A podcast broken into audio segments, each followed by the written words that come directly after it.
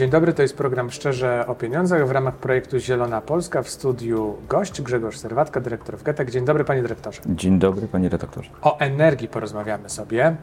O tym, czy energia może być zielona i czy jest już dzisiaj zielona w wielu przypadkach. Da się w ogóle mm, odpowiedzieć na tak e, postawione pytanie, jaki procent zielonej energii my dzisiaj wytwarzamy albo dostarczamy do różnych firm? Czy jeszcze to za wcześnie, żeby tak procentowo powiedzieć? Myślę, że za wcześnie, żeby globalnie to ująć. Natomiast klienci, którzy, którzy nam zaufali, oczekują, że będą mieli 100% zielonej energii dla zasilania swoich, e, swoich instalacji, zarówno energii elektrycznej, jak i ciepła, po to, żeby mieć na, na wyjściu zielony produkt, który ma bardzo niski lub zerowy ślad węglowy. Czyli rozumiem, że klienci, którzy potrzebują energii, przychodzą do Was i mówią: Dobrze, kupimy, ale ona ma być zielona? Tak jest, no tak jest, tak jest oczekiwanie. Energię zieloną robi się, no to jest energia elektryczna z fotowoltaiki, z, system, z, z wiatraków, jest energia energia ciepła e, generowana z biomasy, z biometanu, z solarów. Są cały szereg różnych hybrydowych rozwiązań. Czyli jeśli powiemy, upraszczając, że energia to towar, który dostarczamy klientowi, to jest towar o zerowym śladzie emisyjnym w takim razie, tak? Tak jest. Do tego wszyscy dążą, aby było to albo minimalny ślad, e, e, ślad CO2, albo żeby to był zerowy ślad CO2. I rozumiem, że potem taka firma może się tym pochwalić i w raporcie niefinansowym ESG wpisać, że jest y, w trendzie, że tak powiem. Zwykle to tak właśnie jest. Firma, która produkuje swój produkt na rynek, e, chwali się później, że roku, z roku do roku, czy na przestrzeni kilku lat obniżyła e, emisję CO2 o taką ilość tysięcy ton e, dwutlenku węgla i to jest jakby jej spełnienie obietnicy w stosunku do rynku, że będą coraz bardziej zdekarbonizowani. Tak. Panie dyrektorze, proszę mi powiedzieć, te firmy, które przychodzą do Was, one mają e, świadomość tego i jasny cel, mówią wprost, chcemy zielonej energii, nawet jeżeli ona będzie na przykład kosztowała trochę więcej niż e, energia wyprodukowana na bazie węgla. Bardzo ciekawy wątek Pan poruszył. Tak jest. Wielokrotnie mamy e, spotkania z klientami, którym robimy bilanse energetyczne, porównujemy to, co mają teraz, z tym, co mogą mieć zielone, i czasami e, wynik finansowy wychodzi na, na innym poziomie niż by klient się spodziewał. Natomiast decyzja klienta przemysłowego jest taka: my musimy to mieć, my chcemy, żebyście to zrealizowali, my chcemy tą energię, dlatego że za 3, 5, 7 lat naszych produktów jako fabryka po prostu nie będzie na półkach. Dlaczego? Dlatego, że klienci coraz bardziej świadomie wybierają produkty, które mają e, niewielki impact na środowisko. I to właśnie determinuje decyzję e, przemysłu. Zastanawiam się właśnie, jak to jest. Czy te firmy e, działają tak ze względu na to, że klienci wymuszają, czy mm, Unia wymusza, albo regulacje wymuszają, czy trochę jedno i drugie? Jak Pan obserwuje rynek, to, to z czego to Pana zdaniem wynika? Najpierw bym powiedział, że sami klienci, konsumenci, budując, y, budując swoje decyzje zakupowe, wybierają usługi bądź produkty firm, które mają, e, mają na, w swojej polityce E, dekarbonizację i dbałość o środowiska. A dopiero później, jak się okazuje, że tej energii jest coraz więcej, sytuacja staje się niestandardowa dla sieci, dla poprzedniego, poprzedniego e, jakby organizacji generowania energii, dopiero później wchodzą, wchodzi jakby temat dostosowania prawa, dostosowania sieci energetycznych i różnych innych. Myślę, że impuls idzie od każdego konsumenta osobno w Europie, na świecie, który decyduje się, że właśnie taki, a nie inny produkt kupuje. E, przykładem są powiedzmy rozwiązania chmurowe. E, dostawcy rozwiązań chmurowych, które są bardzo popularne. Wszyscy znamy niektóre, niektóre firmy, chwalą się od wielu lat, że mają zerowy ślad węglowy. Co to oznacza? To, że zadbali o to, żeby ich data center były od wielu lat już zasilane energią odnawialną. I to jest jeden z przykładów, który, który powoduje, że później przemysł E, regulatorzy, prawodawcy dostosowują do tego, co rynek. A znane są Panu takie przykładki, że duża e, firma, instytucja mm, rezygnuje z, z, energii, z nieczystej energii, tak to określę, na rzecz czystej mówi po prostu, słuchajcie, od Was nie weźmiemy, bo wy nie produkujecie energii czystej.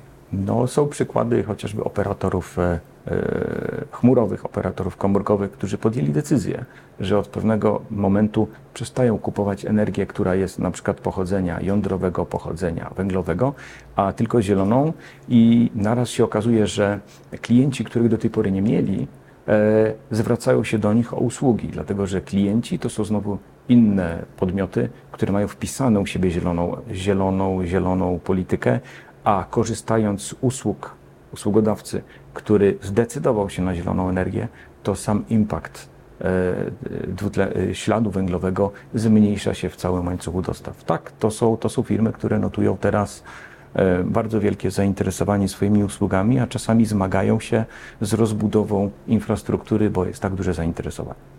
No, powiedział Pan energii jądrowej, to rozumiem, że nie było w Polsce. Że to nie w nie Polsce było w Polsce, odbyło. to było w Europie, ale tak, poza Polską. E, no dobrze, a e, czy my, bo tak patrzę, tak analizuję sobie ten miks e, energetyczny w Polsce, no to my do tego, żeby powiedzieć, że w większości jesteśmy e, zieloni, to jeszcze trochę nam brakuje. I może takie niestandardowe pytanie, ale wie Pan, zastanawiam się, czy gdyby nagle wszyscy za, e, chcieli być zieloni, to nam wystarczy tych mocy, żeby tyle tej energii zielonej dostarczyć, czy nie? Czy my powoli się przestawiamy na te zielone tory? Ja osobiście wierzę i, i, i, moje otoczenie wierzy, że to się musi dziać krok po kroku. To musi być ekonomia w tym wszystkim. To musi być e, porównanie oczekiwań klientów, to co oni by chcieli, z tym, co można im w tym momencie dostarczyć. E, Jest duże, duże zapotrzebowanie na energię zdekarbonizowaną. Wejście natychmiast, powiedzenie sobie, że od 1 stycznia 100%, to się po pierwsze nie wydarzy ze względów e, organizacyjnych i ze względów na potencjał. To się dzieje, to się dzieje krok po kroku. Ja osobiście pochodzę z miasta, w którym właśnie jest przebudowywana elektrownia węglowa na elektrownię gazową. Połowę mocy zostanie uruchomione na przestrzeni następnego półtorej do dwóch lat w elektrowni y, w gazie, a to oznacza, że 2 miliony ton węgla przestanie być kupowane przez obecną elektrownię do zasilania. Czyli 2 miliony ton węgla nie zostanie, e, nie zostanie jakby spalonych i cokolwiek by z tej emisji nie było, nie wyjdzie, nie wyjdzie kominem mm, do otoczenia, więc jakby te rzeczy dzieją się krok po roku. Najpierw, najpierw będzie odchodzenie z węgla kamiennego, brunatnego na gaz jako przejściowe paliwo.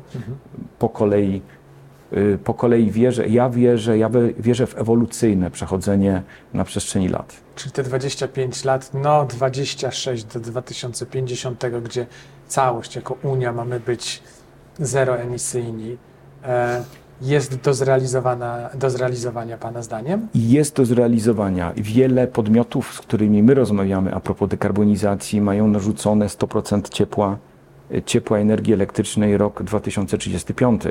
Em, y, s- Jest plan. y, Jedynym rozsądnym rozwiązaniem jest wtedy, kiedy firma ma zaplanowany pewną ścieżkę dochodzenia do dekarbonizacji. I my wierzymy w, w takie etapowe do- dojście, czyli jeśli ktoś mówi 2030 połowę mocy, 2035 100% mocy i widzimy, że większość podmiotów, które, mm, które z nami współpracuje, które, które nam zlecają swoją, y, naszą, y, naszą usługę, kupują, to one jednak mają ten rok 2035, więc ja jestem optymistą, że znacznie wcześniej będziemy mieli odejście od y, A to nie jest trochę tak, że w Polsce będzie najtrudniej z tym? No bo e, nie ma drugiej takiej gospodarki w Unii Europejskiej, która by tak mocno była na węglu oparta. No, jak, jak PSE, Polskie Sieci Energetyczne pokazują, nawet 70-75% energii przy, w nocy mamy, y, mamy z węgla. Y, Etapami. Etapami wyjdziemy. Y, Kopalnie mają swoją rolę do odegrania, kopalnie węgla kamiennego, brunatnego, gaz ma swoją rolę. Kopalnie zmienią swoją rolę docelowo na rodzaj magazynów energii, zarówno magazynów energii jako pierwiastek C, węgiel, być może za 5, 10, 15 lat będzie inaczej do wykorzystania, ale też magazyn energii jako miejsce, gdzie można lokować magazyny energii, czy to energii elektrycznej, czy to cieplnej. Czeka nas ciekawy, ciekawy proces transformacji.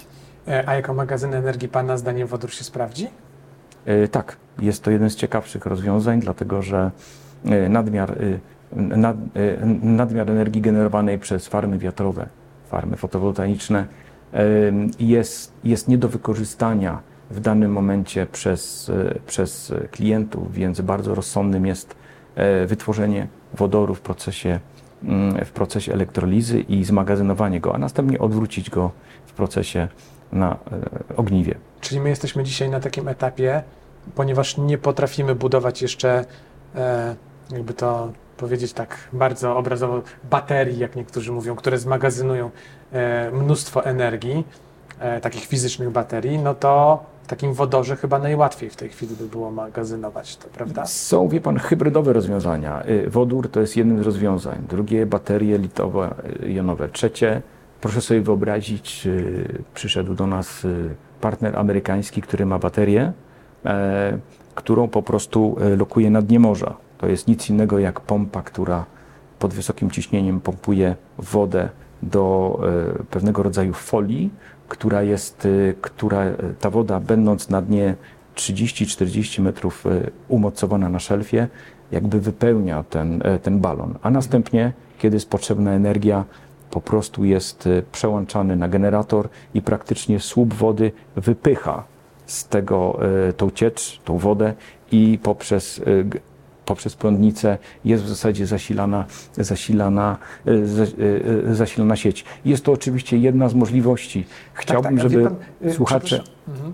Proszę, proszę. Chciałbym, żeby słuchacze e, mieli świadomość, że rozwój technologiczny jest e, tak szybko postępuje, że możemy być zdziwieni, jakiego typu rozwiązania są obecnie możliwe do, do magazynowania tej energii. No właśnie o tym chciałem powiedzieć, bo e, to, o czym Pan mówi, to jest przykład tego, że te przepisy Wydawałoby się, czasami Unia ma takie, mocno przeregulowuje jakieś rzeczy, ale te przepisy e, powodują to, że człowiek staje się twórczy, szuka. I może się okazać, że za te 10, 15 czy 25 lat my będziemy mieli tyle rozwiązań, że. Jak, jak, sobie, jak sobie uświadomimy, y, bardzo ważną kwestię Pan poruszył, jak sobie uświadomimy, że y, przyzwyczailiśmy się do spalenia węgla kamiennego, gdy w nim jest czysty pierwiastek C, czy chemicy dokładnie wiedzą, w jaki sposób e, na dzień dzisiejszy mogliby to wykorzystać, ale kto wie, do jakich procesów, jakie nowe materiały zostaną wynalezione za lat 10 i to, co teraz zatrzymamy jako, jako, magazyn, e, jak, jako magazyn czystego węgla, będzie jak znalazł, jak się mawia, do wykorzystania w przyszłości. Ja bardzo w to wierzę. To jest trudne do przecenienia. To proszę mi jeszcze powiedzieć tak na koniec, Pana zdaniem e, energetyka nadąży za potrzebami firm, jeśli chodzi o przestawianie się na tę czystą energię?